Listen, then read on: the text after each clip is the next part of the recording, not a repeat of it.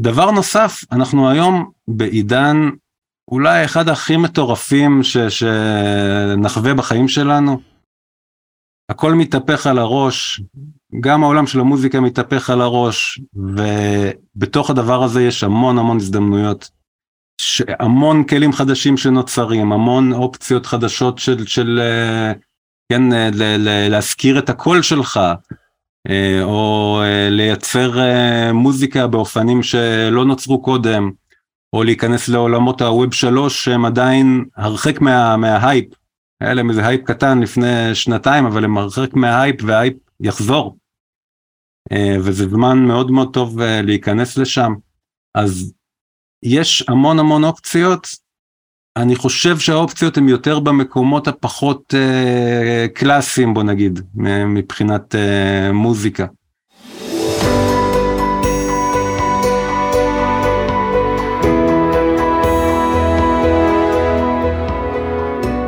להצליח במוזיקה, פודקאסט אופטימי על קריירה במוזיקה, על שיווק למוזיקאים ועל איך לקחת את החלומות שלכם ולהפוך אותם ליום-יום שלכם. עמית ויינר מארח אורחים מוזיקאים, יוצרים ואומנים שמספרים על החיים והבחירות שלהם בקריירה.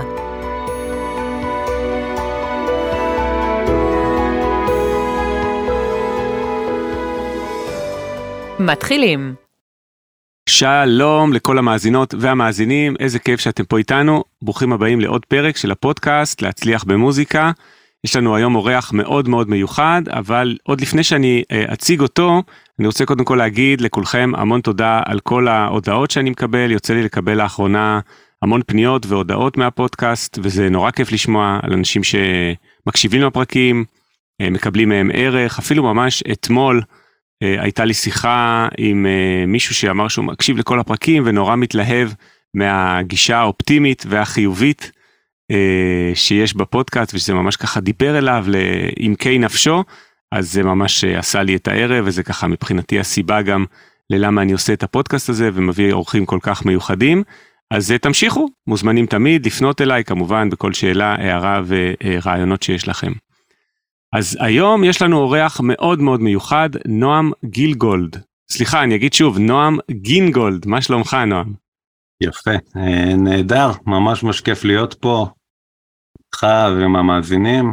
אה, סחטיין על הפודקאסט המדהים, על המיזם המדהים הזה שאתה עושה. תודה, תודה רבה. תכף אני אשמח שאתה גם תספר למי שלא מכיר אותך, אבל תראה, רק מלהסתכל על הפרופיל לינקדאין שלך, אתה ממש מה שנקרא יזם סדרתי בתחום המוזיקה, זה ממש מעורר השראה ומרשים. אה, החל מבית ספר בחיפה שהיה לכם, שנקרא LFO, שאני אשמח שעוד מעט תספר עליו, שמאוד הצליח, ועד לאתר שהפך אחר כך לשני אתרים שייסדת, שזה בעצם סאונד uh, ג'ים, שזה אתר בעצם לפיתוח שמיעה לטכנאי סאונד, או לכל מי שמתעניין בסאונד ובמיקס, משהו שבעצם פתח ז'אנר ונישה שלא הייתה קיימת עד אז, וזה אתר שמשתמשים בו בכל העולם. יש יוטיוברים שמעלים על זה אינסוף של אה, אה, סרטונים על כמה שהאתר הזה השפיע עליהם על העשייה ועל היכולות סאונד שלהם, ואני רוצה קודם כל להגיד גם שאני אה, השתמשתי והייתי מנוי שלכם ממש מזמן, שככה התחלתי את דרכי בסאונד וזה נורא נורא עזר לי. לקח לי המון זמן עד שהבנתי שאתם סטארט-אפ ישראלי מחיפה, אז אה, זה פשוט מדהים, יש לכם את סאונד ג'ים, ואז הקמתם גם את טון uh, ג'ים, שזה בעצם פיתוח שמיעה במובן היותר קלאסי, כמו שלומדים אותו בבתי ספר ובאקדמיות. אז הנה הצגתי אותך כבר, אבל נועם, אני אשמח שכן בכל זאת תציג את הדרך המוזיקלית היזמית שלך למאזינים. אז קודם כל פספסת ככה שני מיזמים משמעותיים, אני בעצם המיזם הראשון שלי בתחום של מוזיקה היה פרויקט בשם מיוזיקרו, אה, סביבות שנת 2005, אה, אה, ובמסגרת של מיוזיקרו אני פיתחתי סינתסייזרים ואפקטים ופלאגינים, הום אפשר להגיד, one man show, וזאת הייתה בעצם הדריסת רגל הראשונה שלי בכל העולם הזה של יזמות. וכן, לאחר מכן היה בית ספר, LFO, הייתה עוד uh, חברה של פלאגינים בשם V-Plugs, שהיא בעצם הייתה ה introduction ל SoundGym. ולכל מה שקרה אחר כך, כש SoundGym זה באמת משהו בסדר גודל אחר מהדברים שעשיתי קודם. והגעתי אליו כבר מאוד מבושל מהרבה בחינות, כן, הכרתי את, ה, את השוק, את האנשים, את המגזינים, היה לי רשימות תפוצה, היה לי ידע ב marketing, וזה בעצם ככה בראשי פרקים מאוד גסים, הדרך היזמית שלי, שבמקביל אליה יש את הדרך במוזיקה שהיא גם כן משהו שמתחיל הרבה קודם. בעצם אני, ההתחלה שלי במוזיקה היא סוג של כישלון. זאת אומרת, אני בגיל 12, לקחו אותי ללמוד אורגן, האורגני שתי קומות האלה, ולמדתי עם מורה חצי שנה ושנאתי כל רגע. והייתי גרוע. שני דברים ביחד. וזה ככה משהו שנצרב בי אה, הרבה הלאה, אה, כי בעצם אין לי שום הכשרה פורמלית בתחום של מוזיקה או בתחום של סאונד. אה, זה משהו שבמידה מסוימת עד היום אני ככה קצת אה, נרתע ממנו. אה, וזה כנראה איזושהי טראומת ילדות כזאת. מה, מהתקופה ההיא. זהו, אחר כך, ככה בגיל 16, הגיעה תקופת הגיטרה. לכולנו. בדיוק. גם אני הייתי שם. כמו הרבה ילדים, רציתי להיות רוקסטאר ולכבוש את העולם.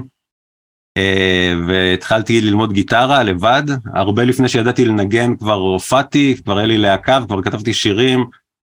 אה, וזה פשוט משהו שבא, התפרץ פשוט. אה, ואז הגיע הצבא, כן, אה, זה כמו בלנק שחור כזה על, על הכל. והאמת ששם הרבה מהחלומות כאילו התפוגגו להם. ובתוך הצבא עשיתי מוזיקה, באותו זמן היה לי גם להקה. ונכנסתי לעולם של ההפקה. אה, באולפן חזרות שניגענו היה פתאום איזה טייפ כזה מוזר, ארבעה ערוצים, וזה הדהים אותי שאפשר להקליט ערוץ, ואז להקליט עוד ערוץ ועוד ערוץ, ואז אה, לחבר אותם לערוץ אחד ומתפנים לך ערוצים אחרים. ממש הוקסמתי מזה ואספתי שקל לשקל וקניתי את הדבר הזה. ובעצם התחלתי לבנות אולפן ביתי עוד הרבה לפני שזה היה פופולרי. אה, ובאולפן הביתי הזה ממש חפרתי, הייתי קונה מכשיר אפקטים, קורא את המנואל שלו מההתחלה עד הסוף, יודע כל פיפס. אה, והידע שלי הגיע בעצם אה, מעשייה באולפן הזה. ואחרי הצבא יצאתי בלי חלומות, יצאתי כשברור לי שלהתעסק במוזיקה זה משהו שאין לו שום, שום עתיד. תוך כדי שאני מתעסק במוזיקה ועושה כל הזמן, כן? אבל זה היה משהו שהוא ממש לצד החיים ולא בתוכם, כאילו. למדתי פסיכולוגיה ופילוסופיה באוניברסיטה. הסתבר לי שאני מאוד טוב בללמוד, היה לי ציונים מאוד טובים. ובעצם נרשמתי לתואר שני בפסיכולוגיה, שזה ככה הולי גרייל של אה, הרבה סטודנטים לפסיכולוגיה שנורא מתאמצים וזה, ואני הייתי שם שבוע. אחרי שבוע, בתואר שני, עם כל הטררם שעושים, רעיונות ודברים וזה, הבנתי שזה, שאני לא יכול לעשות את זה, שזה לא מה שאני רוצה לעשות בחיים. אה, ואז ישבתי וחשבתי, אוקיי, מה, מה אני יכול לרצות לעשות כל החיים? אה, והבנתי שזה רק מוזיקה. אה, באותו זמן זה היה הדבר היחיד שחשבתי שזה משהו שאני באמת יכול לעשות אותו בלי שהוא, אה, בלי שיגמר לי. ומאותו רגע זה היה הרבה לפני שהיה יוטיוב ואת כל הדרכים שיש היום ללמוד אונליין ובתי ספר, לא היה כלום. הורדתי PDFים של ספרים, הדפסתי אותם, קראתי אותם, והתחלתי לבנות את האולפן שלי מחדש. וזה היה איזושהי תקופת של לימוד של משהו כמו שנתיים, שלוש, כשהמטרה הייתה, כשם הפודקאסט שלך, להצליח במוזיקה.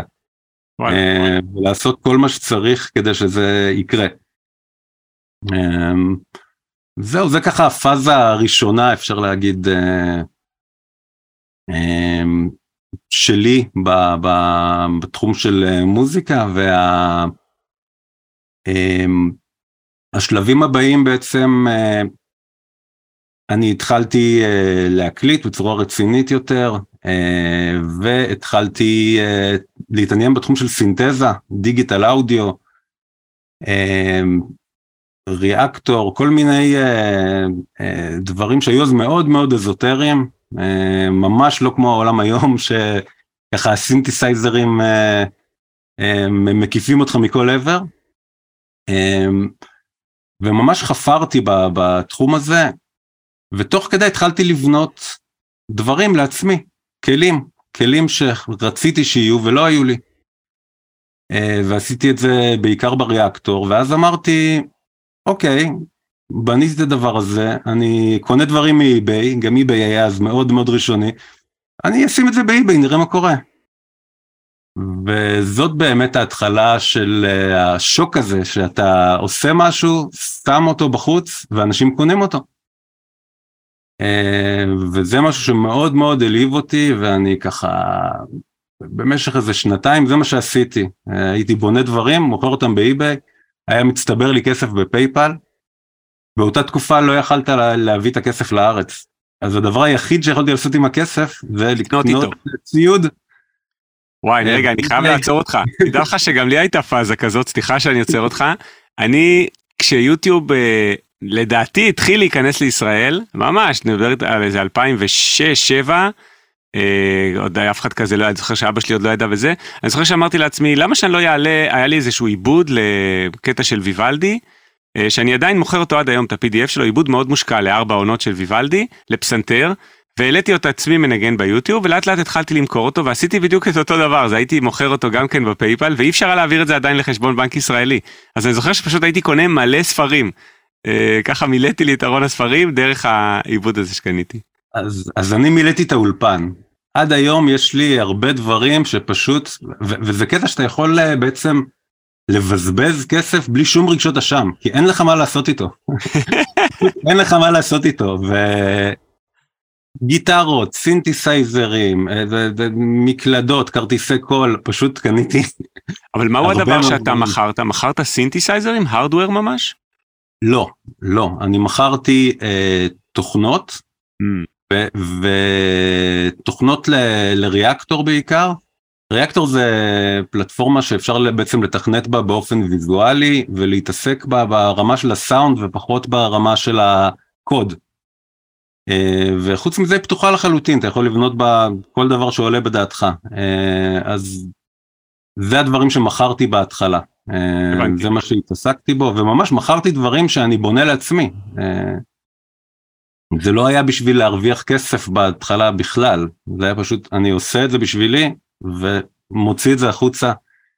אה, וזה שאנשים קנו את זה, זה היה מדהים. זה לא מה שהייתי ממליץ היום דרך אגב, מאוד יהיה קשה לעשות את זה בעולם היום. למכור מכשירים מאוד מאוד מכוערים עם עיצוב נוראי. אה, כנראה שלא יעבוד, אבל כן. אז זה, זה הלך טוב. אמ, ו...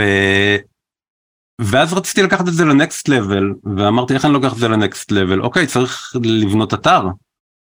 אה, שוב לא היה פלטפורמות, לא היה וויקס, לא היה שום שום דבר, אז אה, אמרתי אוקיי אני צריך ללמוד לבנות אתרים. והתחלתי ללמוד לבנות ובניתי לעצמי את האתר הראשון.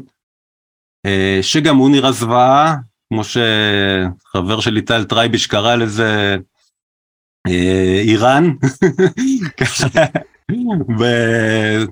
אבל uh, הדבר הזה בעצם נתן לי את, ה, את המקום הזה שאני יכול למכור בו את הדברים שלי ו,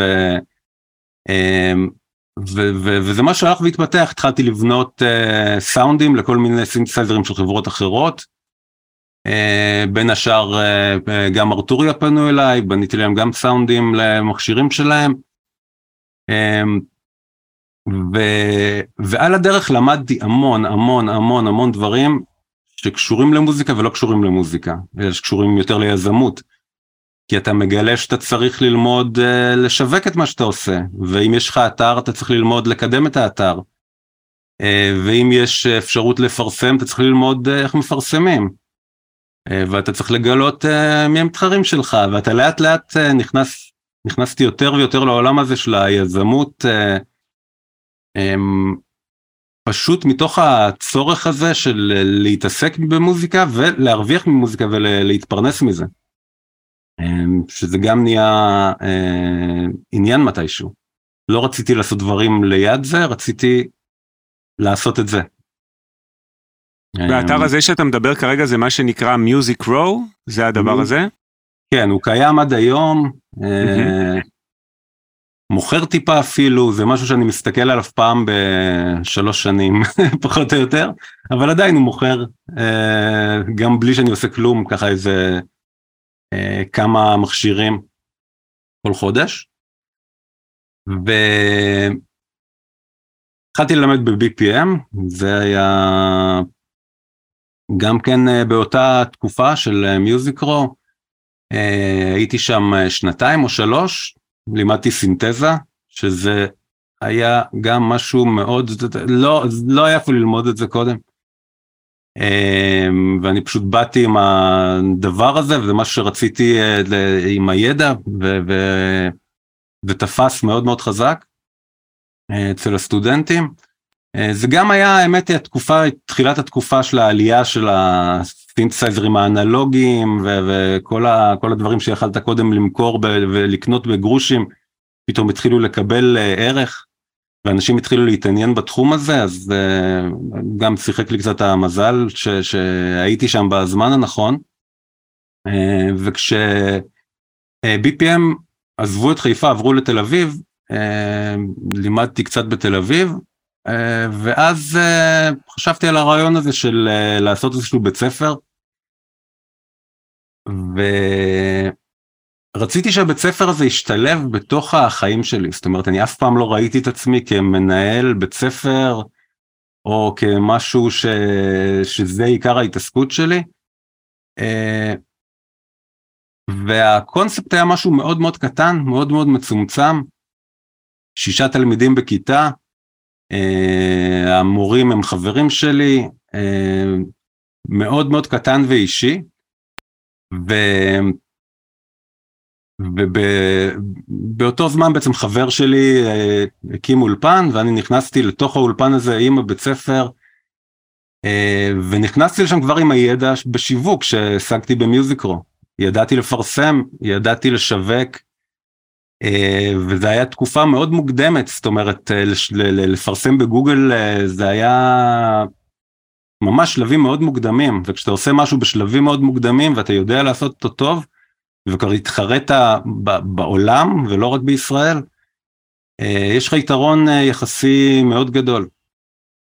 והבית ספר הזה עבד והחזיק 14 אה, שנה. שזה LFO, נכון? רק כן. נסביר לה...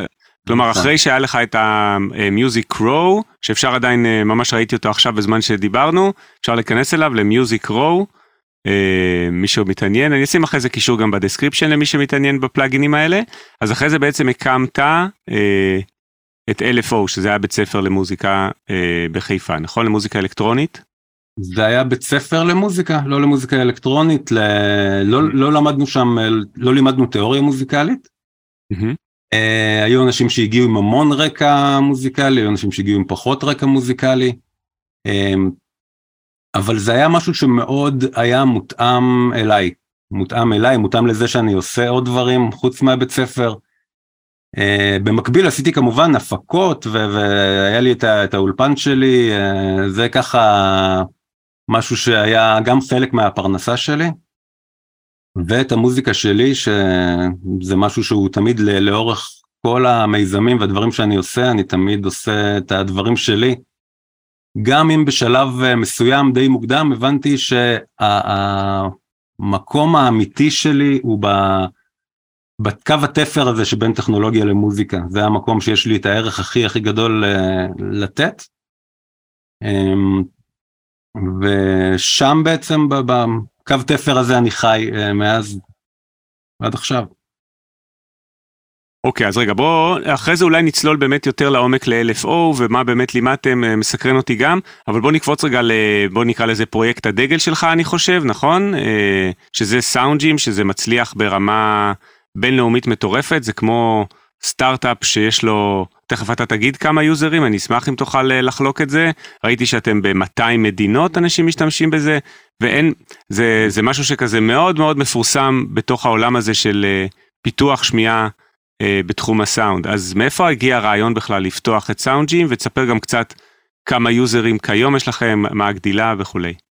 יפה, אז הרעיון של סאונדג'ים בעצם התחיל מהמיזם השלישי שלי, שהוא מיזם בשם אה, שהוא היה עם עוד שותף, הוא היה מפתח שם ואני בעצם הייתי אחראי על כל שאר הדברים. וגם פיתחנו סינתסייזרים ואפקטים, אבל אחד הדברים, הדבר שהכי הצליח היה איזושהי תוכנה שפיתחנו, שהיא בעצם איזשהו משחק לזיהוי תדרים.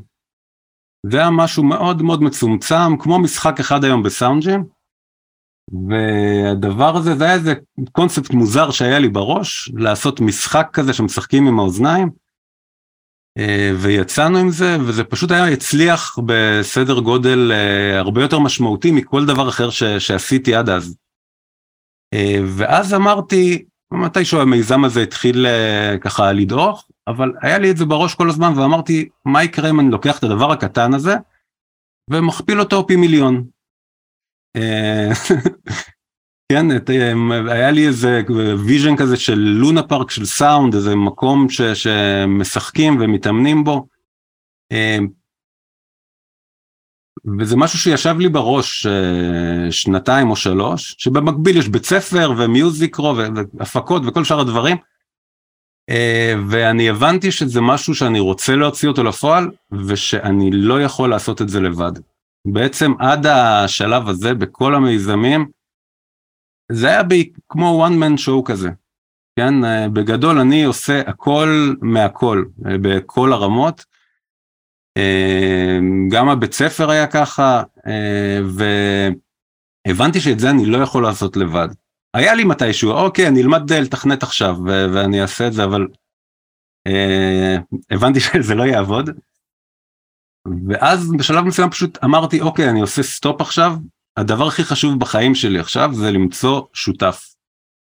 למצוא איזשהו שותף אסטרטגי, מתכנת, ובאמת השקעתי כמה חודשים את כל האנרגיות שלי, נסעתי בכל הארץ, כל בן אדם שרצה להיפגש איתי פשוט אה, עליתי על הרכבת, נסעתי, אה, כדי למצוא את הבן אדם הזה, ובסוף מצאתי את השותף שלי, את אה, יואב, שמאוד אה, התלהב מהרעיון, הוא גם היה לפני זה one man show אבל בצד שלו בצד של תכנות כשהוא לא יודע לשווק ולא יודע את כל הצד ה, אה, ה, של הביזנס.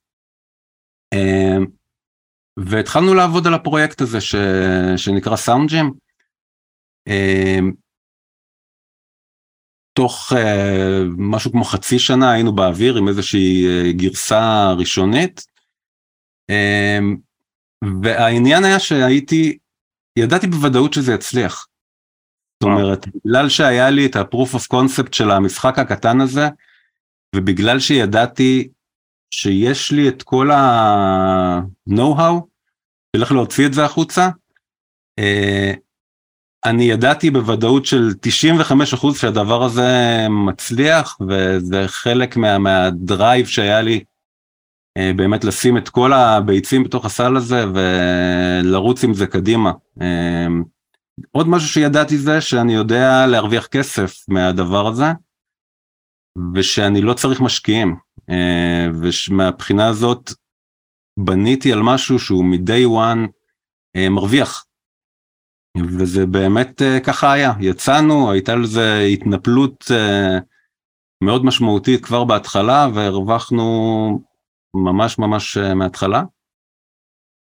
אמ, והמיזם הזה שקוראים לו סאונדג'ים היום הוא בעצם אה, כמו שאמרת מורכב משתי פלטפורמות הקהל יעד שלנו הוא מוזיקאים אנשי סאונד יוצרי מוזיקה אה, אנשים של live live sound, ויש לנו ב SoundGym כמעט 700 אלף משתמשים.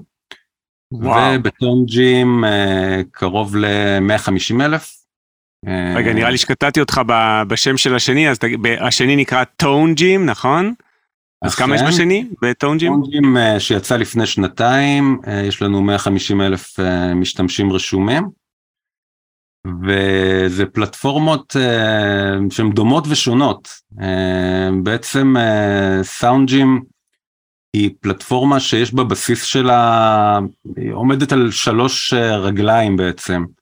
רגל הראשונה זה מה שנקרא deliberate practice. אנחנו לוקחים משימה מורכבת של מיקס, שהיא באמת משימה מאוד מורכבת וש... ו... ואינטואיטיבית מאוד, ואנחנו מפרקים את המשימה המורכבת הזאת לאבני בניין או לסאונד אטומס שאפשר לאמן אותם, לתרגל אותם, לשפר אותם ולקבל פידבק על כל אחד מהתת תחומים האלה שמרכיבים סאונד ומיקס. אז ב SoundGym יש לנו 20, 20 ומשהו משחקים של סאונד, שבכל משחק, כל משחק ממוקד באיזשהו skill מסוים. זיהוי תדרים, זיהוי קומפרסיה, עבודה עם EQ, panning וכך הלאה. ויש לנו workout יומי, כל יום אתה בא, יש לך חמישה משחקים שאתה צריך לשחק אותם, ואנחנו נותנים לך פידבק ברמה מאוד גבוהה על הידע שלך. בעצם זה שאתה מפרק את הסקילס שלך באופן כזה, מלא אנשים מגלים המון דברים לא רק על עצמם אלא גם על האולפן שלהם. יש לנו משחק שקוראים לו פנגרל, וזה פשוט זיהוי במיקום במרחב, left right. שיחקתי בו, כן, הוא נורא כיף. יפה, ויש הרבה אנשים שבאים ואומרים, לא, זה לא נכון, יש פה הטיה לצד שמאל במשחק. Hmm, כן, ואז הם מגלים שיש להם בעיה במוניטור, או באקוסטיקה, או שאנשים אומרים, אבל הקבצים הם סטריאו, איך אתם עושים משחק עם קבצים של סטריאו? בפנינג זה לא הגיוני, אבל הקבצים הם מונו. כן, hmm. והרבה דברים שאתה מגלה פשוט דרך הפידבק הזה, וזה הצד של deliberate practice בפלטפורמות שלנו. צד נוסף הוא הצד של גיימיפיקציה, או ממש Deep Gamification, הפלטפורמה היא כמו משחק אחד גדול. היא מדברת שפה של משחק, יש מטבע פנימי, יש awards ויש תחרויות, ואנשים מסתובבים עם הבדג'ים שלהם שהם זכו בהם באפליקציה, וזה משהו שהוא מאוד מאוד חשוב לי, לא פחות מהצד הלימודי, אני מנסה לייצר משחק עמוק, מעניין, שמייצר engagement ועוזר לך ללמוד באופן הזה הרבה יותר טוב והרבה יותר אפקטיבי. אז חלק גדול מההשקעה הוא ממש בלפתח משחק ואנחנו משתמשים ב... בשפה של גיימינג, אנחנו מנטרים את הפלטפורמה כמו שמנטרים בגיימינג. זה צד נוסף. הצד השלישי, הרגל השלישית של סאונדג'ים עומד עליה זה הקהילה. יש לנו קהילה מטורפת בתוך הפלטפורמה. זה ממש רשת חברתית משוכללת, שבעצם אחד הדברים המשמעותיים שעשינו זה אנחנו הצלחנו לקחת אנשים מפייסבוק ומפלטפורמות אחרות ולגרום להם לעשות את הסושיאל אצלנו, לתת להם מספיק ערך מוסף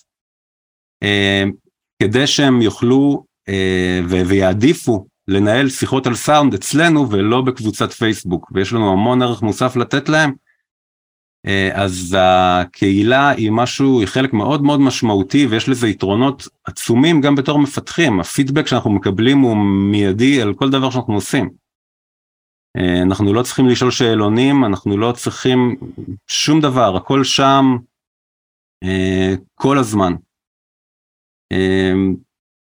זה, זה בעצם סאונדג'ים ככה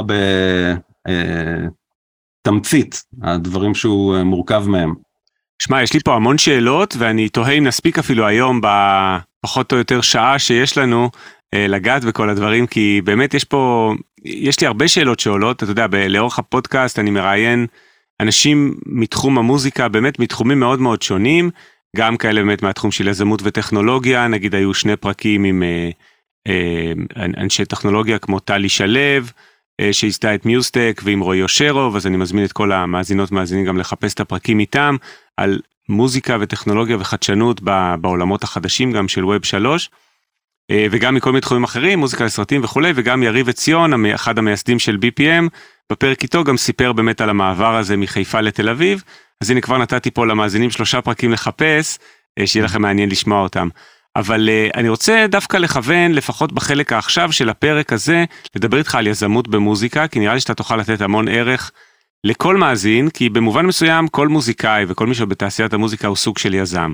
בין אם הוא בונה משהו כל כך גדול אה, כמו שאתם בניתם, או בין אם הוא אה, יזם כמו אני, מלחין אה, לסרטים וזה, ועובד כעצמאי, אז, ואני חושב שתוכל לתת פה הרבה ערך וטיפים. אז אה, קודם כל, עוד קצת ככה לשמוע על אה, סאונדג'ים וטונג'ים, אז יש לכם 700 אלף בסאונדג'ים משתמשים, ומה גודל הצוות שיש לך?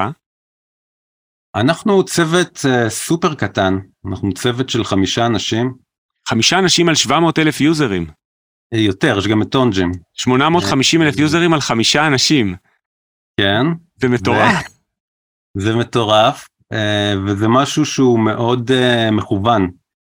אנחנו סופר יעילים, אנחנו מחזיקים המון skills, זאת אומרת, אה, בתוך הצוות הזה.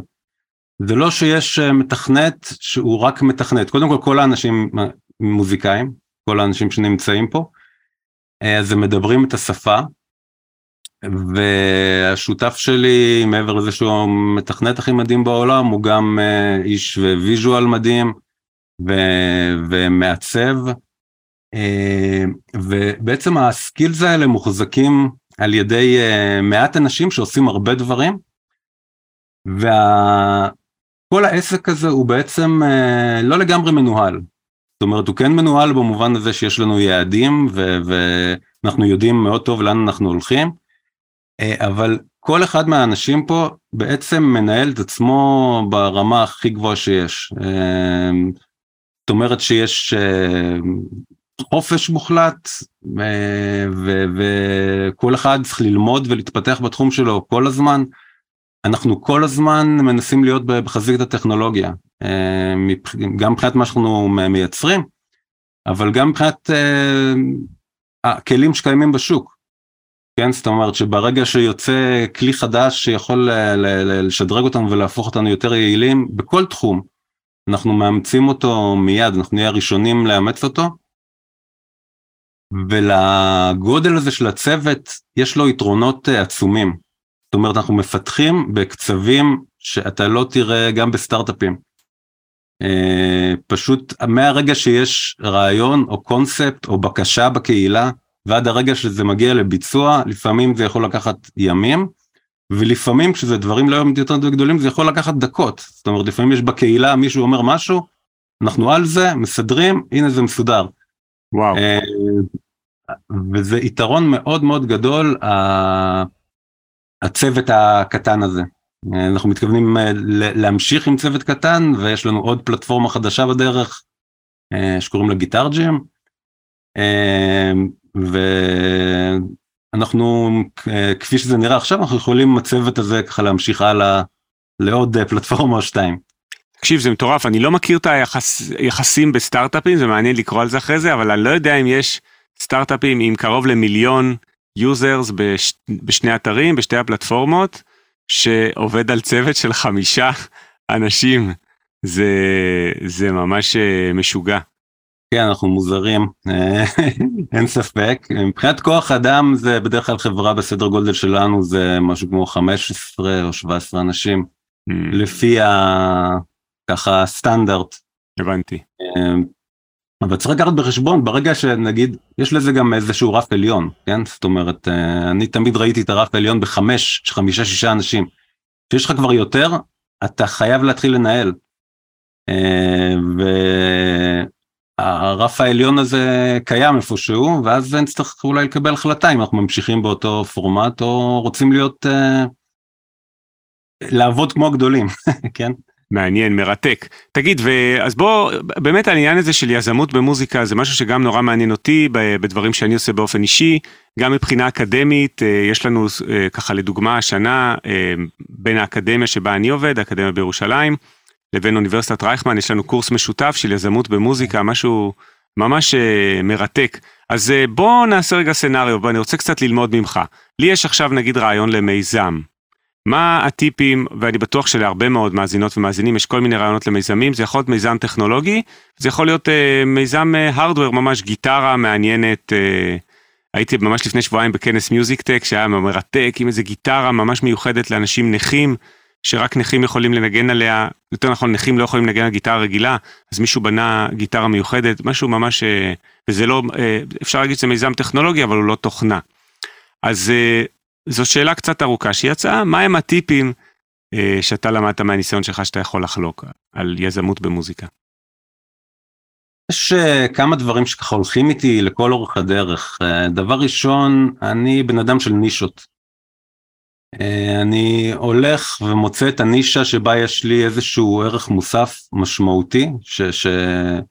לתת, משהו שיש לי passion אליו גם, ובתוך הנישה הזאת אני עושה overdoing מטורף. overdoing מטורף, זאת אומרת אם אתה לוקח את Music Roll, לקחתי את התחום הזה של Reaktor ensembles ומכשירים ל Reaktor, כן, שזה איזושהי נישה מאוד מאוד אזוטרית, ועשיתי שם משהו שאף אחד לא עשה, זאת אומרת אני ייצרתי ובניתי איזשהו מיזם שמייצר אך ורק מכשירים ל Reaktor. וה overdoing הזה נתן לי איזושהי בולטות ונוכחות. אה, גם SoundGym אם אתה מסתכל עליו הוא בעצם משהו דומה זאת אומרת אה, לקחתי איזשהו תחום שהיה אזוטרי עד לא קיים בכלל ופשוט הגדלתי אותו פי מיליון אה, וצריך שיש שם גם איזשהו בשר ואיזשהו קהל יעד כן זה לא עובד על כל דבר. אבל הדבר הזה נותן לך איזושהי מקדמה על כולם כי בעצם או שאין שם אף אחד או שהתחרות היא מאוד מאוד קטנה. ואם uh, תעשה מספיק overdoing אז יהיה לך נראות ויהיה לך יתרון uh, עצום על פני uh, מיזמים אחרים. Um, דבר שני או שלישי שאני יכול ככה להגיד זה לא לחכות שתהיה טוב מספיק. Mm. Uh, אני לא חיכיתי, אני אמרתי, ניגנתי בלהקה לפני שידעתי לנגן, הייתי על במה לפני שידעתי לנגן. אה, מכרתי אה, פלאגינים וסינתסייזרים תוך כדי שאני לומד לבנות אותם. אה, לא חיכיתי להיות מאסטר, אלא פשוט עשיתי את המינימום ושחררתי. וזה משהו שהרבה יכולים לחכות עד שהם יהיו טובים מספיק. כאילו אתם תהיו טובים מספיק, אבל אה, אולי זה טוב מספיק כבר עכשיו. אה, זה דבר שני. דבר שלישי זה לאמץ טכנולוגיה בכל דבר, בכל דבר וכל תחום ש, שאתה עושה. טכנולוגיה חדשה יכולה לתת לך את המקדמה ולגרום לך באמת לעשות דברים לפני שכולם מאמצים את הטכנולוגיה הזאת, אז להיות early adapter של טכנולוגיה. במוזיקה ו- ו- ובכלל, זה משהו שאני חושב שהוא סופר חשוב לכל uh, יזם. Um, אני חושב שאלה הדברים העיקריים ככה. מעניין, אני רוצה קצת, אני רוצה קצת להרחיב איתך עליהם. הראשון היה מאוד מעניין, שזה בעצם לא לפחד מלהיות נישתי, לא לפחד מזה שבעצם השוק נראה קטן בתחום מסוים, נגיד גודל השוק של אה, אנשים שמתעניינים במיקס ובסאונד, יכול להיראות קטן, אבל אתה אומר דווקא להפך, אה, לא לפחד מנישה, אלא דווקא הנישה היא הכוח בעצם, זה מה שאתה אמרת בראשון. כן, כן, הנישה היא, היא הכוח, וגם כשאתה אומר אה, אה, סאונד ומיקס, כן, שזה תחום אה, קטן, אז תחשוב שבסאונדג'ים אנחנו הלכנו ממש על תחום שהוא כאילו יותר קטן, או אם היית בודק את הקהל יעד לאימון אוזניים, כמה אנשים מאמנים את האוזניים שלהם בתחום של סאונד, זה היה מספר שהוא אה, שואף לאפס. אמ, אבל היה את האינדיקציות שהדבר הזה יש לו פוטנציאל ויש לו ערך משמעותי אה, לתת לאנשים, ומהרגע הזה, זה כאילו מה שאני יודע לעשות, אני לא, זה יכול להיות גם נובע מהמגבלות שלי. אה, אני לא אוהב להתחרות, אה, אני, אני אוהב להיות ראש לשועלים אולי, כן? אני לא אוהב להתחרות באיפה שכולם מתחרים. Uh, לא יודע אם להגדיר את זה כראש לשועלים, זה שועל במקום שאין אף שועל אחר, זה בעצם להיות uh, שועל באזור של נמלים, דווקא ראש לשועלים נשמע כאילו, אתה יודע, מהביטוי התנכי, כן. אבל זה נראה לי, הרי בוא, בוא נחשוב על זה רגע ביחד, ב-2016 כשפתחת את סאונד ג'ים, כשפתחתם, היו לכם מתחרים? היה מישהו שעשה דבר כזה? לא, היה גולדן אירס, שזה משהו שהוא עם דיסקים, מ... לא יודע, שנות התשעים. אמ, הייתה עוד איזה חברה קטנה שעשתה משחק בסגנון, בעצם התחרות הייתה דבר שאנחנו בנינו קודם בוויפלגס, כן? Mm. המשחק האחד הזה המשיך למכור לצד סאונדג'ים עד שסגרנו את הבסטה שם, עד שסגרתי את הבסטה שם. אה, הוא היה תחרות, גם משם הגיע הקהל הראשון לפלטפורמה, כן? תחשוב שהיה לי קהל מאוד מאוד מפולח ש, של משהו כמו 15 אלף איש שהיו רשומים לדבר הזה, שהוא היה בדיוק הקהל של המוצר החדש הזה, של סאונדג'ים. אז ההתחלה שלנו לא הייתה ממש אה, מאפס,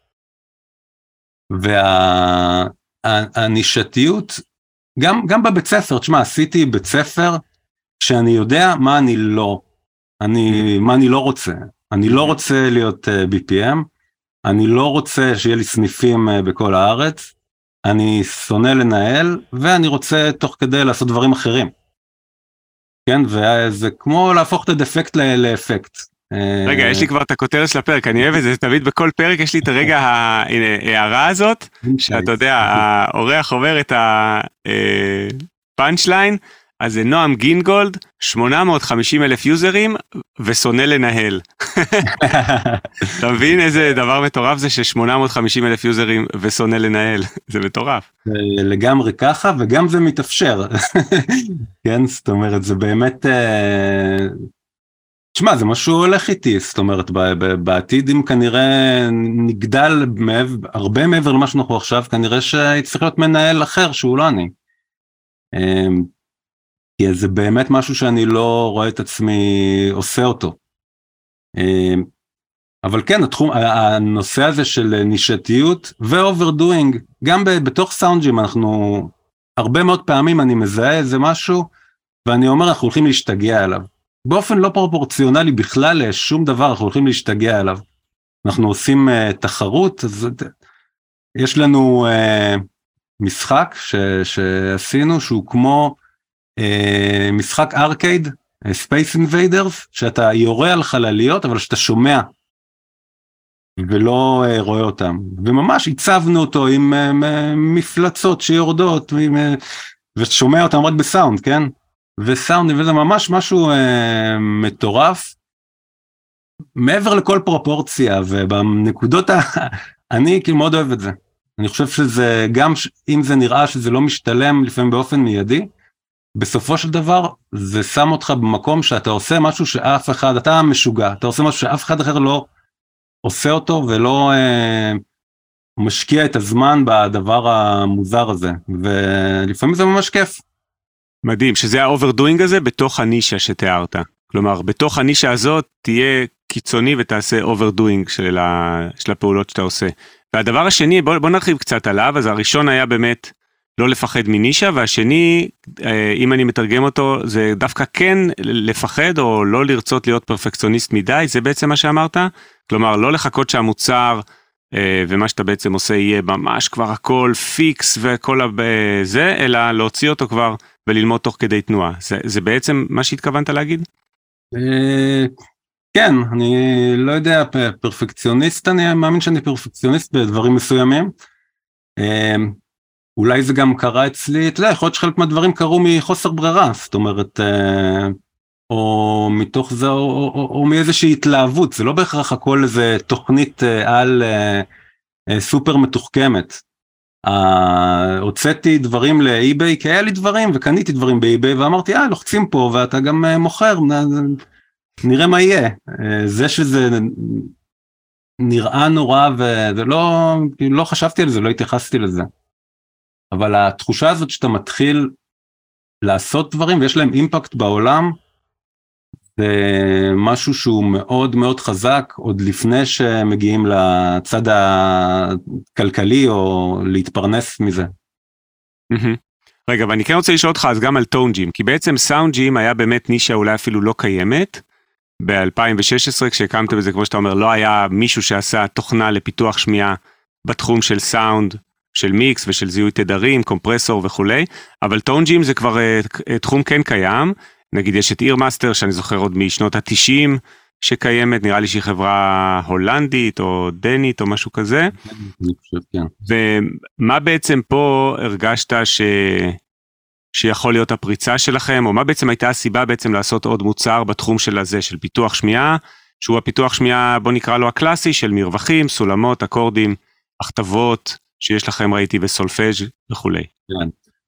היה לנו אקו סיסטם שקוראים לו סאונדג'ים, שראינו שהוא עובד מדהים. אה, וברגע שהיה את סאונדג'ים, הרעיון של טונג'ים עלה די מוקדם. זאת אומרת, אתה מחליף בעצם את המשחקים, אה, ו, ויש לך נישה שאתה יודע, שהיא גם נישה, אבל אתה יודע שהיא עובדת מהבחינה הזאת שיש המון המון אפליקציות כאלה, ואז אתה יודע גם שיש קהל, כי אם אין שום אפליקציה גם יכול להיות שאין קהל, כן? זה גם נכון, אפשרות. נכון. אה, ושם ידענו שיש קהל, וידענו שיש לנו משהו שהוא נראה אחרת, מתנהג אחרת, ושכל הדברים שיש מתנהגים כמו משהו ששייך למאה אחרת. בוא נגיד ככה, ועם הגימיפיקציה שלנו והאקו סיסטם המטורף הזה שהיה לנו בסאונדג'ים, אה, אמרנו שזה רעיון טוב ללכת על זה. אה, הייתה שם בעיה אחת. בסאונדג'ים אחד הכובעים שלי זה האיש אה, מקצוע בתחום הסאונד. ובטונג'ים אין לי, לא רק שאין לי מושג בתיאוריה מוזיקלית, זה גם מרתיע אותי ו- וזה משהו ש... שותף שלי ציפה שאני אלמד את התחום הזה כמו שלמדנו הרבה דברים אחרים. ואמרתי לו, תקשיב, אה, לא, אני... עד כאן. אני לא רוצה. ומה שקרה בסופו של דבר זה שהוא אה, למד בעצמו תיאוריה מוזיקלית, אה, ועבדנו עם יועצים חיצוניים, ופיתחנו בעצם משהו שונה בטונג'ים, שיש שם באמת איזשהו מנוע חכם שמבין מוזיקה. מבין תיאוריה מוזיקלית, זה לא כמו בסאונדים שכל משחק הוא עומד בפני עצמו, אלא יש שם באמת איזשהו מוח ש, שיכול לעשות הולכת קולות כמו שצריך, ויכול, הוא באמת מבין אה, את, ה, את התחום הזה של מוזיקה, וממנו נגזרים אה, כל המשחקים. אה, וגם טונג'ים התחיל, היה לנו, שוב, יש לך נקודת פתיחה מטורפת, כי היה לנו כבר, לא זוכר כמה משתמשים בסאונדג'ים, בטח 200 אה, או 300 אלף יש לך נקודת התחלה מאוד מאוד טובה. ו... ומהבחינה הזאת גם טונג'ים, אמנם הוא צעיר עם פחות משתמשים, אבל אה, אני חושב שהוא לצד אירמאסטר, אה, הפלטפורמה הכי, שהיא הכי בשימוש בתחום הזה בעולם כרגע. אז כן, עשינו, מצאנו גם שם את דרכנו. וואו. טוב, לפני שנעבור גם לחלק המוזיקלי שמעניין אותי לשאול אותך, ואני רוצה רק להגיד על העניין הזה שהפחד הקמאי הזה שאמרת שיש לך מתיאוריה מוזיקלית, זה נורא מצחיק, זה כנראה, יש, כל, כל בן אדם, יש את הנקודת תורפה שיש לו איזה פחד כמו מג'וקים או מאריות, משהו קמאי, נגיד אני בתור אחד שבא מתיאוריה, תגיד לי עכשיו ללמוד תכנות, דברים שאתה לימדת את עצמך, אין סיכוי שאני עכשיו אלמד את עצמי אה, לתכנת משהו בריאקטור וכל זה. אתה ללמד את עצמך תוכנות, אה, בניית אתרים וזה, אין לך בעיה, אבל תיאוריה מוזיקלית זה היה הרגע שבו הפחד הקמאי אה, אה, הכריע גם אותך, נכון? מעניין. זה מלווה אותי כל החיים, אתה יודע, אני לימדתי בבית ספר ואני אומר לאנשים, תיאוריה מוזיקלית זה חשוב. כדאי לכם ללמוד תיאוריה מוזיקלית. אבל לא איתי. כן, זה לא שאני לא מכיר uh, בערך של זה, פשוט אצלי יש שם איזה חור שחור ש... ש... אה, כנראה מוציא לי את החשק מכל הדבר הזה שקוראים לו מוזיקה בגלל כן. איזשהו אה, משהו נפשי שקרה מתישהו. זהו זה בטח איזה טראומת ילדות כזאת כמו שיש להרבה אנשים בתחום המוזיקה אתה יודע איזה מורה לפסנתר או איזה מורה לתיאוריה או פסנתר ששם בגיל הילדות צנזר איזה משהו ומאז אתה יודע קיבה שם איזה משהו שקשה להחזיר. כן אני כנראה גם מאוד מאוהב ב, אתה יודע, בדבר אפשר להגיד פראי הזה, או משהו שהוא לא, שהוא, שהוא כאילו נובע מתוכך באיזשהו אופן לא מתווך, mm-hmm. שזה איזשהו רעיון רומנטי יפה שאני כנראה מאוהב בו, או משהו כזה. רגע, זה בדיוק דווקא מוליך אותנו, אני חושב, לנושא הבא, שהוא גם יהיה הנושא האחרון בפרק, שזה על, על, עליך כמוזיקאי, זה ככה בדיוק הולכת את זה ככה החלק הפראי שאתה מאוהב בו, מעניין אותי. אמ, בעצם, תספר על, על הדברים שאתה עושה כמוזיקאי, מה, מה המוזיקאים שהשפיעו עליך, על איזה מוזיקה גדלת. אמ, גדלתי, מאוד אהבתי אה, לוריד ואת האנדרגראונד. אה, בשלבים, אה, גדלתי בשנות התשעים, אז כל הנירוונה כמובן, וסאונד גרדן והדברים האלה מאוד השפיעו עליי. ניק קייב, פי ג'י ארווי, אלילה. וזה ככה המקורות שלי, אני מנסה להישאר up to date, אבל זה, זה המקומות שאני בא מהם. מעניין, נראה לי גדלנו על אותם דברים, רק אני בירושלים, אתה בחיפה, נכון? היית בחיפה, נכון? זה ממש כן. אותם להקות שגם בירושלים שמעו באותה תקופה. כן, הייתה סצנה בירושלים בשנות התשעים. כן, לגמרי. וככה המוזיקה תמיד, העשייה המוזיקלית תמיד הייתה ברקע וכל הזמן היא שם. אה, בתור איזושהי תרפיה, גם בתקופה שהייתי בצבא וכל החלומות נגמרו, וזה עדיין מוזיקה, ייצרתי, התעסקתי בזה. אה, ויש שם איזשהו צורך מאוד עמוק אה, להביא לידי ביטוי או לגעת בדברים באופן הזה שהוא לא קשור להצלחה בשום צורה. ואני בחרתי להצליח באופנים אחרים בסופו של דבר.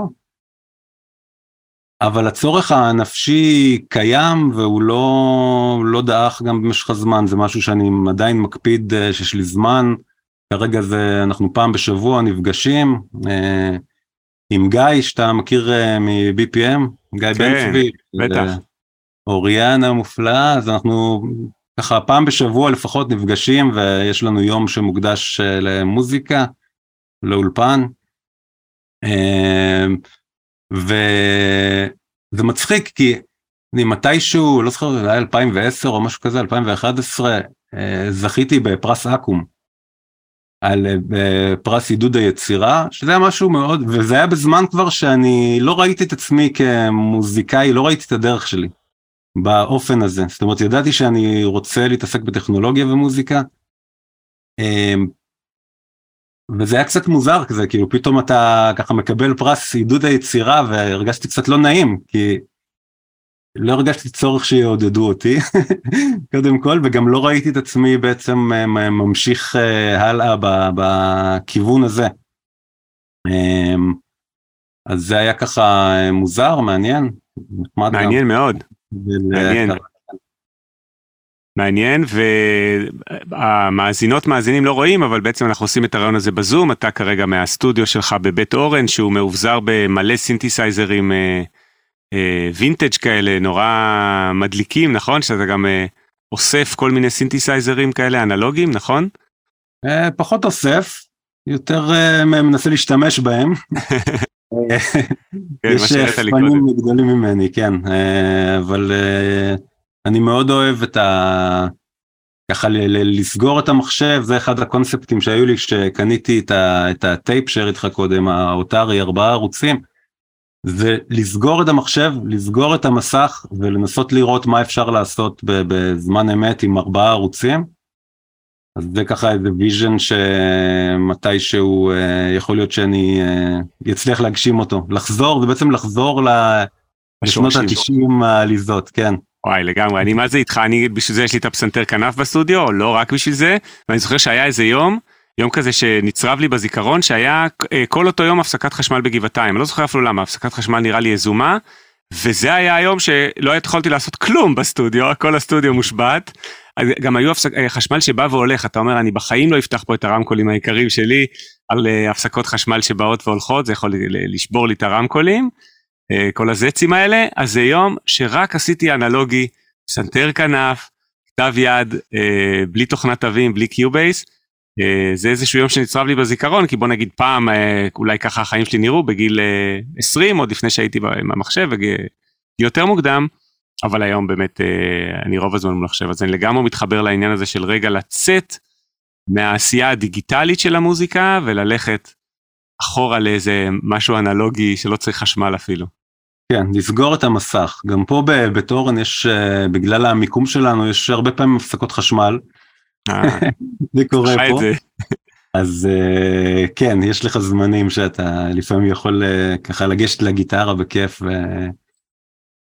טוב נועם, אני רוצה לסכם את הפרק ככה ולשמוע ממך אולי עוד איזה טיפ או שניים בסיכום. קודם כל זה באמת היה פרק ממש מרתק ושוב המון תודה. אני חושב שכל מי שהקשיב ושיחפש אחרי זה את סאונד ג'ים או טון ג'ים, לא יאמין שהאתר הזה שרץ בכל כך הרבה יוטיובים ושאתה סיפרת שיש לכם 850 אלף יוזרים בסך הכל, לא יאמין שזה חמישה אנשים מחיפה אה, שעושים את הדבר אה, המטורף הזה, אז, ואני חושב שנתת פה גם המון טיפים על יזמות וגם הסיפור שלך בתוך עולם היזמות המשתנה הזה כבר נתן לי, ואני בטוח שעוד אנשים המון אה, השראה וככה קווים לדברים שאפשר לעשות בתוך מוזיקה. זה באמת שוב המון המון תודה. ומעניין אותי לשאול אותך לסיכום עוד כמה טיפים אולי מהתחום הזה שאמרת שלימדת את עצמך על שיווק.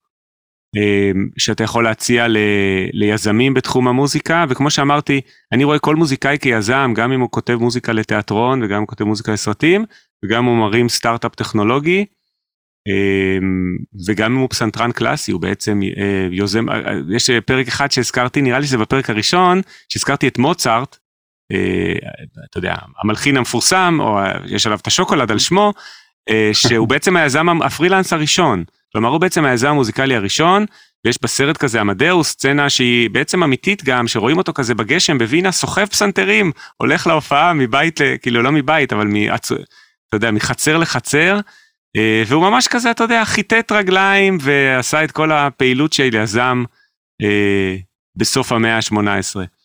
אז uh, במובן הזה באמת אני חושב שכל מוזיקאי הוא יזם, ותן כמה טיפים מהניסיון שלך שיכולים להעשיר את המאזינים.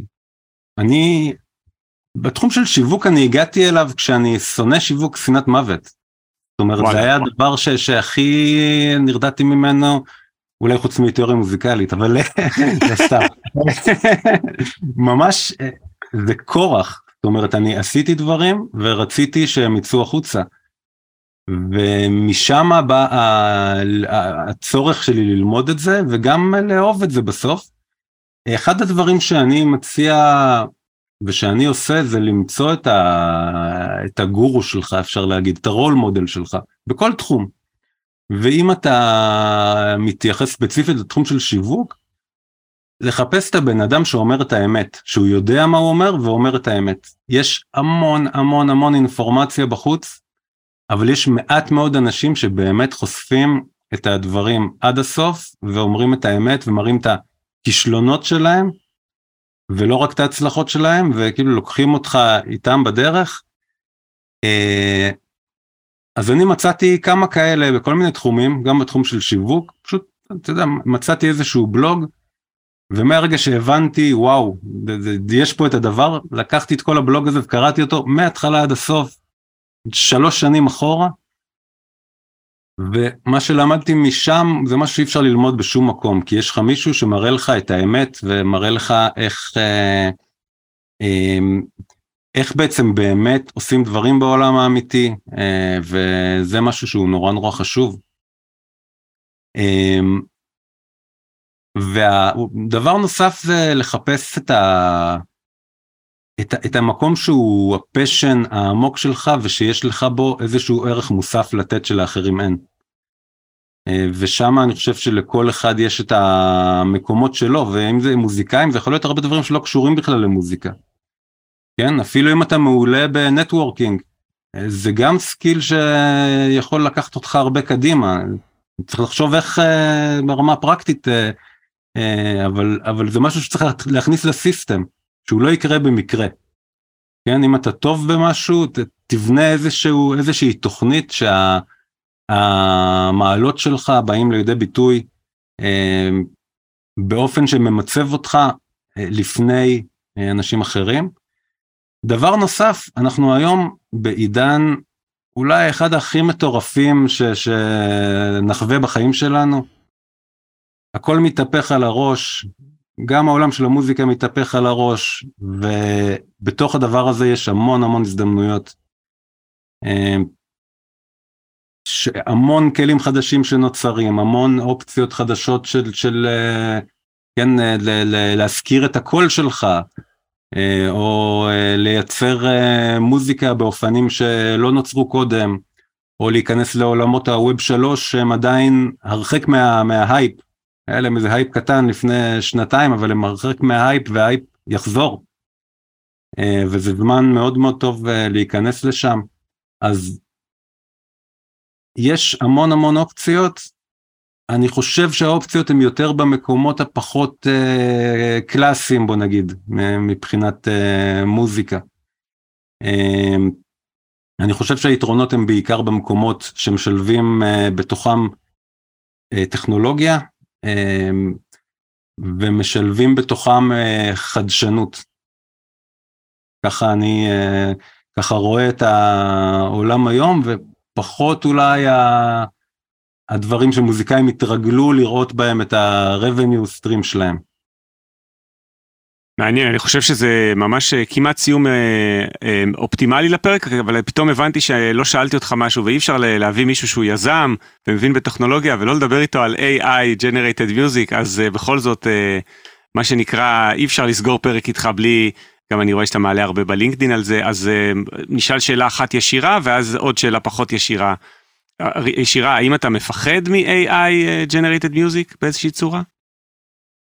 אמ, אני לא, אני חיכיתי לרגע הזה הרבה זמן. אה, אתה לא רק שאתה לא מפחד, אתה...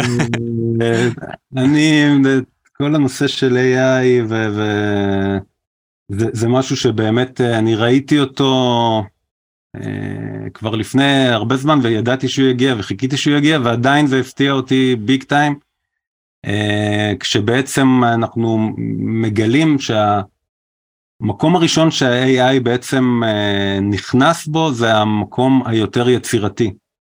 כן, אם חשבנו אולי עד לפני שנה על AI, חשבנו שכל הדברים שהם לואו לבל או שהם מאוד מפוקסים בתחום מסוים, קודם הוא ידע אולי להסיע מכונית או לעשות משהו כזה או אחר, ואז פתאום בבת אחת אתה מגלה, בתחום של מוזיקה בכלל, כאילו אני אמרתי לעצמי, אוקיי, יש מלא תחומים, תחום של מוזיקה מוגן. למה חשבתי שהוא מוגן? בגלל שזה מורכב. מוזיקה זה דבר מורכב, אה, אה, סאונד זה דבר מורכב, מיקס זה דבר מורכב. אמרתי, או, כמה זמן, יש לנו, יש לנו אה, כמה שנים טובות. ואז מסתבר שזה לא בדיוק ככה, שהתחומים היצירתיים הם דווקא הראשונים שמאותגרים על ידי AI, ש-AI ניגש למשימות המורכבות מאוד לנו באופן אחר לגמרי, זאת אומרת הוא לא צריך את המורכבות הזאת, הוא יוצר מהכאוס את המוצר המוגמר, הוא לא צריך ערוצים ואז לעשות להם מיקס ואז להקליט את זה ואת זה, וה... אה, וה... הדבר הזה בעצם אה, הפתיע אותי, כן? וכשאתה חושב קדימה, אז אה, אם מסתכלים ככה בעיניים פקוחות, קודם כל צריך להבין שכל מה שאנחנו יודעים משתנה מתי? עכשיו. כל מה שאנחנו יודעים משתנה עכשיו, אנחנו רואים את זה בכל יום אה, מוצרים חדשים, שירים חדשים, קורט קוביין, סאונד גרדן, אייזיס, שזה פרויקט אה, ש, ש, של להקה שעשתה קאברים לאואזיס ועכשיו הם הקליטו אלבום עם גרסת AI של הזמר. אני יודע אה, למה אתה אומר את הדוגמאות האלה, שנינו ראינו את הסרטון של ריק באטו כנראה לפני שבוע על AI Generated Music, כי זה בדיוק הדוגמאות שהוא נתן שם, שכל גיבורי נכון. הילדות שלנו מתאחדים, כלומר נירוונה וסאונד גרדן מתחילים לעשות קאברים אחד לשני. בדיוק, וזה די מטורף לשמוע משהו שהוא 95 אחוז, זאת אומרת הייתי מצפה שזה יהיה בהתחלה 70 אחוז. וזה 95 אחוז, ואתה מבין שהעולם באמת אה, משתנה באופן אה, משמעותי. אבל אני חושב שיש תחומים שאתה יכול לראות שהם הולכים להיות בעייתיים. כל התחום של מוזיקה פונקציונלית, לטעמי, הוא תחום שהוא יהיה בעייתי. הוא תחום שברגע שיהיה לך איזושהי פלטפורמה של טקסט טו מיוזיק, היתרון הוא לא רק בעלויות, אלא גם באופרציה. זאת אומרת, בתור מישהו שצריך מוזיקה פונקציונלית מאוד, אני אוכל בעזרת פרומפטים להגיע לתוצאה אופטימלית בשבילי בקלות רבה יותר מאשר אם אני צריך לתקשר עם, עם איזשהו מוזיקאי שיתאים בדיוק את הדבר על מה שאני רוצה. ויהיה מקום, כמו בהרבה תחומים אחרים, לחמש אחוז שהם בטופ. כן, להם יהיה מקום, הדבר המשמח, או לא יודע, אולי זה שמחת עניים, בניגוד למה שקרה למוזיקה עם peer to peer ועם Pirate Bay והתקופה הזאת, הדבר הזה שקורה עכשיו הוא לא קורה רק למוזיקה, הוא קורה במיליון תחומים. הוא קורה בתכנות, כן? אם אמא יהודייה לא רצתה מוזיקאי ורצתה מתכנת, אז היום, וואלה, יש Copilot, Pilot ולא בטוח שגם זה משהו כל כך, אה, שיש למתכנתים יתרון על מוזיקאים במובן הזה. אני חושב שלמוזיקה יש יתרון אחד מאוד מאוד גדול בעולם שאנחנו הולכים אליו, וזה שזאת אומנות ה real time. וכל הדברים שקשורים ל real time ולחוויה, בעיניי הולכים להתעצם באופן אה, לא פרופורציונלי אולי, כן? זאת אומרת, החוויה של לנגן בגיטרה, החוויה שבכלל של נגינה לייב, של הופעה לייב, זה משהו ש-AI לא יכול להחליף אותו. ו... ו-AI יכול להחליף, אם uh, נהיה כנים, הרבה מאוד דברים יצירתיים. אבל את זה הוא לא יכול להחליף by definition, בהגדרה. ואני חושב ששם למוזיקה יש יתרון אפילו על אומנויות ויזואליות או אומנויות אחרות, כי יש שם את העניין של החוויה של הרגע, ואני צופה איזושהי אה, חזרה אחורה. אולי עוד אנשים יקנו טייפים כאלה, כמו הטייפ שיש לי פה, והמוזיקה תחזור, או ההקלטה או ההפקה תחזור להיות איזשהו תיעוד של הרגע, כי את כל שאר הדברים גם AI יוכל לעשות אה, מצוין. אז uh, אני מאוד אופטימי לגבי מוזיקה. אני קצת פחות אופטימי לגבי פרנסה באופן כללי, לא רק בתחום של מוזיקה, אני לא חושב שהמוזיקה שונה מתחומים אחרים ב, uh, בעניין הזה. וואו, זה יהיה משפט מצוין לסכם, גם כי הצלחתי לשמוע אותך אומר אני מאוד אופטימי לגבי מוזיקה, וזה הפודקאסט הזה נקרא פודקאסט אופטימי על מוזיקה, אז אני אגזור את החלק השני של המשפט, שבו אמרת שאתה פחות אופטימי, סתם, אני לא, לא גוזר משפטים לפי מה שיתאים לי לאג'נדה של הפודקאסט, אז אה, לא, אבל גם בגלל שאני מאוד שמחתי לשמוע אותך אומר את זה, וזה גם מה, אני ש... אופטימי? אני אופטימי לגבי המוזיקה, כשאתה אומר להצליח במוזיקה, השאלה היא למה אתה מתכוון. כי להצליח במוזיקה, אפשר להגיד להצליח אה, להתפרנס ממוזיקה, אבל אני חושב שאפשר להצליח ושאנשים כבר היום מצליחים במוזיקה בעוד הרבה אופנים אחרים. נכון. אה, אתה מצליח במוזיקה שאתה כותב שיר, אתה מצליח במוזיקה ש, שאתה אה, מביע או נוגע במשהו בעצמך באופן עמוק. את הדברים האלה אי אפשר לקחת, ואני חושב שהם יהיו יותר ויותר חשובים. יפה. יפה מאוד וגם מאוד מעניין ואני מסכים איתך על מה שאמרת שבעצם מה שקורה עכשיו זה הנאפסטר של כל העולם זה לא רק של אה, הנאפסטר של, של המוזיקה שהפך את המוזיקה על פניה כמו שבאמת נאפסטר בשנות האלפיים של תעשיית המוזיקה בעצם עוד לא התאוששה עדיין מאז מבחינת ה-recording industry מעולם לא התאוששה מנאפסטר. אמ, באחד הפרקים הבאים אני מראיין את אה, אורי וינוקור מ Artlist ואני בטוח שנדבר גם על זה, אז תחפשו, זה יהיה כנראה עוד אה, שניים שלושה פרקים אחרי הפרק הזה שייצא. אה, וזה מעניין שאתה אומר שהתהליך שקורה עכשיו עם ה-AI, אה, שבאמת מחליף ויכול להחליף הרבה עבודות, הוא כמו נאפסטר, אבל across the industry, entire industry, זה יכול להחליף גם רופאים, שלא צריך נגיד שני רופאים שאחד יסתכל על הצילום רנטגן, מספיק ש-AI הוא ידע יותר טוב להסתכל על הרופא ולגלות בצילום רנטגן אם יש בעיה, וזה כבר משתמשים בזה. וכמו שאמרת זה יכול להחליף מתכנתים ו... ו... וכל תחום עיסוק ממש. אנחנו בסירה הגדולה עם כולם הפעם. הנה, זה משפט מצוין. הפעם, אה, הפעם אנחנו לא היחידים שמפחדים שיחליפו אותנו. טוב, נועם, אני רוצה אה, להגיד ממש המון המון תודה, אנחנו יותר משעה, ואני מרגיש שיכולנו לדבר פה עוד שלוש, אה, כי אפילו לא דיברנו מה בדיוק עשית ב-LFO, נשאיר ככה טעם של עוד לשיחה נוספת. ואני רוצה לה, ככה לסכם מבחינתי את הפרק, שמה שהמאזינות מאזינים לא רואים, זה מה שאני לקחתי הכי חזק מהפרק, וזה בעצם אותך, שזה מין, אה, אתה אישיות קורנת וחביבה מאוד, ואתה איש נעים ומצחיק, ושיש לו כמעט מיליון יוזרים בפלטפורמות שהוא פיתח, אה, וזה עדיין איש נעים הליכות מחיפה ולא נראה כמו איזה ביזנסמן קר רוח ומנוכר מאיזה מגדל משרדים אה, בהונג קונג, למרות שאתה כנראה יותר מצליח מהרבה מהביזנסמנים שאתה יודע, הם כאלה קרי רוח ולא נעימי הליכות. אז זה דבר שלא רואים אותו, כי הפודקאסט הוא רק מוקלט, אבל יכול להיות ששמעו בקול שלך ככה את הדרך שבה אתה מנהל את הדברים שאתה עושה, וזה נותן, זה, לי זה, עליי זה מאוד, אני יכול להגיד שעליי זה מאוד משפיע, וזה נותן ככה המון אה, השראה, גם הנוכחות החיובית הזאת שלך.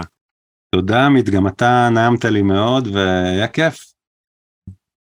אז אני אגיד גם תודה רבה לכל המאזינות והמאזינים על ההקשבה. כרגיל, אתם כבר מכירים את משפט הסיכום, אני אגיד אותו שאתם מוזמנים למצוא עוד מידע בבלוג שלי. שנקרא להצליח במוזיקה, הבלוג של עמית ויינר, ותמיד תפנו אליי בכל שאלה, כמו שאמרתי בהתחלה, בלינקדין או בפייסבוק או באימייל שלי, אני נורא נהנה לשמוע אה, הערות, שאלות ותובנות שלכם לגבי הפודקאסט. ואל תשכחו לדרג את הפודקאסט בספוטיפיי, כבר אני רואה הרבה אנשים שעשו את זה, נועם גם אתה מוזמן. אה, זה עוזר מאוד לנו לנצח את האלגוריתם של ספוטיפיי, שזה אחת המשימות שלנו ל-2023, לנצח את ספוטיפיי. אה, יש גם את הפרק עם ליעד אברהם שהסביר איך עושים את זה מבחינת אה, מוזיקה בספוטיפיי, אז השאיפה זה גם להצליח שהפודקאסט אה, ככה ינצח את האלגוריתם בספוטיפיי, אז דירוג יכול מאוד מאוד לעזור לו ולהגיע לעוד אנשים שזה יעניין אותם. נועם גינגולד, המון תודה ונתראה בפרק הבא. יאללה ביי. ביי, תודה.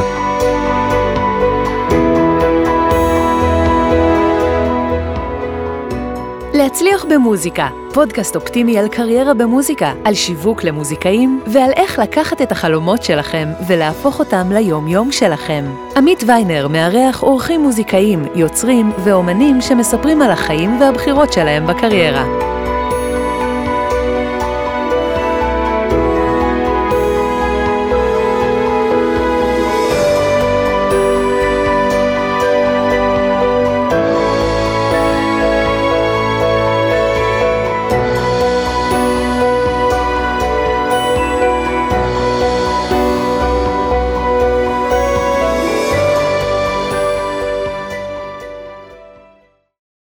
טוב, תודה לכל מי שנשאר גם לחלק הזה של הפרק, לטיפ הסודי האישי ממני, והפעם אני רוצה לחלוק איתכם משהו אישי שקרה ממש השבוע.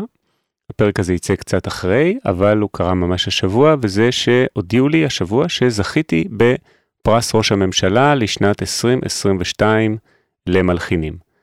ולמה אני מספר לכם את זה פה? לא כדי uh, להשתחצן או משהו כזה, אלא דווקא אני רוצה לספר לכם באופן אישי מה היה התהליך אה, שהוביל לדבר הזה מבחינתי, והתהליך, ולכן אני חושב שזה יהיה רלוונטי גם למי שיקשיב לפודקאסט ב-2027 או משהו כזה, התהליך הוא שהגשתי המון פעמים לפרס ראש הממשלה למלחינים ולא זכיתי. כן, ממש ככה, אני מרגיש שאני יכול אה, בכנות להודות בזה כאן, אולי שמונה או תשע פעמים. הגשתי ולא זכיתי, וזה היה מאוד מבאס בכל פעם, אין לי דרך אחרת להגיד את זה, זה היה מאוד מבאס, כואב, אה, זה משהו שאני לא יודע אם חוויתם אותו עדיין בקריירה שלכם, המוזיקלית, אה, מה שנקרא ריג'קשנס, להגיש למשהו ולא לקבל אותו, אבל אני יכול להגיד קודם כל שאני קיבלתי המון ריג'קשנס לאורך החיים שלי. אה, הריג'קשן הראשון אני חושב היה כשבאתי להתקבל לתיכון של האקדמיה. כשהייתי ילד בן 15 אה, כזה, היה לי שיער ארוך אז, נראיתי אה, די מצחיק, ובאתי להתקבל לתיכון כפסנתרן ולא התקבלתי. אמרו לי שיש לי אה, חור מאוד מאוד גדול בין מה שאני יודע לעשות כרגע לבין מה שנגינת פסנתר דורשת, ואני זוכר את עצמי הולך אחרי האודישן הזה לספסל ליד התיכון של האקדמיה, אני זוכר בדיוק את הספסל ואיפה זה היה באיזה רחוב בירושלים. ויושב ובוכה על הספסל, אה, ילד בן 15 הייתי, וזה משהו שמשפיע עליי, אני חושב, עד היום, rejection כזה, ואותו דבר קורה לי לאורך כל הקריירה. גם בפרס ראש הממשלה, כמו שאמרתי, הגשתי המון פעמים וכל פעם התבאסתי מחדש, אה, והנה השבוע הודיעו לי שזכיתי. מה בעצם הטיפ האישי שלי ממני אליכם כאן? הטיפ הוא אה, לא לוותר. לא לוותר במובן הזה ש... אה, קשה מאוד לא לקחת לאגו סירובים כאלה, ככה שגם אם אני אגיד לכם אל תיקחו את זה לאגו, לא בטוח שזה יעזור, אבל צריך לקחת את זה באיזשהו ערבון מוגבל לאגו, ולהמשיך להגיש ולנסות אה, לנתק את עצמכם מהתוצאה של מה שאתם שולחים אליו. אם זה תחרות או הגשה כלשהי, זה קצת כמו ל, אה, להגיש לעבודות בעצם. כשמי שהיום מגיש לעבודה בהייטק, אני יודע את זה מחברים ומקרובי משפחה, אז אה, הוא לא מגיש לעבודה אחת ומצפה להתקבל, הוא מגיש לעשרות, אה, 30, 40, 50 אה, עבודות שהוא מגיש אליהן, והוא מצפה של בין 2 ל-5 מתוך זה, כלומר משהו כמו 1 לכל 10 נגיד, אה, יחזרו אליו לראיון. וזה לא שהוא מתבאס עכשיו על כל החמישים שהוא הגיש באופן אה, שלא נותן לו לישון בלילה. כי אי אפשר, בן אדם לא מסוגל להתמודד עם 50 דיכאונות עכשיו על uh, עבודות שלא חזרו אליו או לא קיבלו אותו. אז ככה אני מציע לחשוב על uh, כל דבר שאתם עושים בהקשר הזה של כמו תחרויות והגשות, להגיש במיליון עותקים נקרא לזה ככה, מיליון פעמים, לנתק את עצמכם רגשית ככל האפשר אה, מהתוצאה שתקבלו ולהבין שיש פה סטטיסטיקה. אה, בכל דבר כזה יש סטטיסטיקה, גם במיילים, cold emails שתכתבו מה שנקרא, אה, מיילים קרים, כלומר למישהו שלא מכיר אתכם מהתעשייה. אה, יש סטטיסטיקה שאחד מכל עשר נגיד יענה לכם, לפעמים זה אחד מכל עשרים, תלוי בהרבה משתנים, אה, אבל זה אף פעם לא אחד מכל אחד, לאף אחד זה לא קורה. אה, אגב, לגדולים ביותר זה קורה כל הזמן שלא עונים להם או שעושים להם rejection, ורק ככה שני סיפורים לסיכום, העניין הזה של rejection ים. אחד שאני אוהב לספר אותו וגם אמרתי אותו בסוף הפרק הראשון של הפודקאסט, זה שהמלחין הגדול ג'וזפה ורדי האיטלקי, לא התקבל לקונסרבטוריון שהיום נקרא על שמו. זה ככה סיפור שאני אוהב להגיד. ושתיים, זה הסיפור המפורסם על שודדי הקריבים, המוזיקה לסרט שודדי הקריבים, שבסוף כולנו מכירים אותה מהאן זימר, שלמעשה לא הוא כתב אותה, אלא המלחין שעבד איתו באולפן, קוראים לו קלאוס בדלט, אבל היא מזוהה מאוד עם האן זימר, אבל הסיפור הוא לא זה, הסיפור הוא שהיה מלחין אחר, מלחין ענק שקוראים לו אלן סילבסטרי, אחד המלחינים הגדולים בהוליווד שעשה כבר משנות ה-80 את בחזרה לעתיד, ועד לימינו את כל סרטי הנוקמים, ה Avengers, מלחין ממש מה top A-list בהוליווד, אלן סילבסטרי, ופנו אליו להלחין את שודדי הקריבים, והוא כבר עשה score שלם, כלומר אה, פסקול שלם, שבסוף אה, קיבל rejection, כלומר המפיק, ג'רי ברוקהיימר, אמר שזה לא מתאים, אתם יכולים לחפש ביוטיוב ולשמוע את הפסקול הזה, הוא באמת קצת אפל מדי, קצת פחות fun, דיסני. אני אוהב להשמיע בדרך כלל את הדבר הזה של אלן סילבסטרי, אמ, כדי לנסות להבין למה, אמ, אה, למה הוא היה rejected, כלומר למה סירבו לפסקול הזה, למה דחו אותו, והנה זה קרה לאלן סילבסטרי, ואז פנו לאן זימר שהיה צריך לכתוב מאוד בזריזות אה, מוזיקה של אה, שעתיים וחצי סרט. וכמובן הוא עשה את זה עם הצוות המלחינים שעובדים איתו, אבל אני חושב שזו דוגמה מאוד מאוד טובה. גם ג'וזפה ורדי וגם אלן סילבסטרי קיבלו סירובים ודחיות גם בשלבים של ה top top של הקריירה, אה, כמו במקרה של אלן סילבסטרי, הוא כבר כתב את בחזרה לעתיד וכבר היה כוכב הוליוודי ועדיין קיבל את הדחייה הזאת. זהו, לא לוותר אז חבר'ה, לא משנה כמה פעמים קיבלתם לא, זה לא מעניין אף אחד, מה שמעניין זה כמה פעמים קיבלתם כן, פשוט אל תוותרו, אתם גם לא חייבים לספר על כל הלואים, הנה אני סיפרתי לכם פה על שמונה או תשעה לואים שקיבלתי בפרס ראש הממשלה, אבל בתכלס אף אחד לא צריך לדעת על הלואים האלה, זה ביניכם לבין בן או בת הזוג שלכם, או ביניכם לבין עצמכם. אז יאללה, אל תוותרו, ושיהיה בהצלחה, ונתראה בפרק הבא.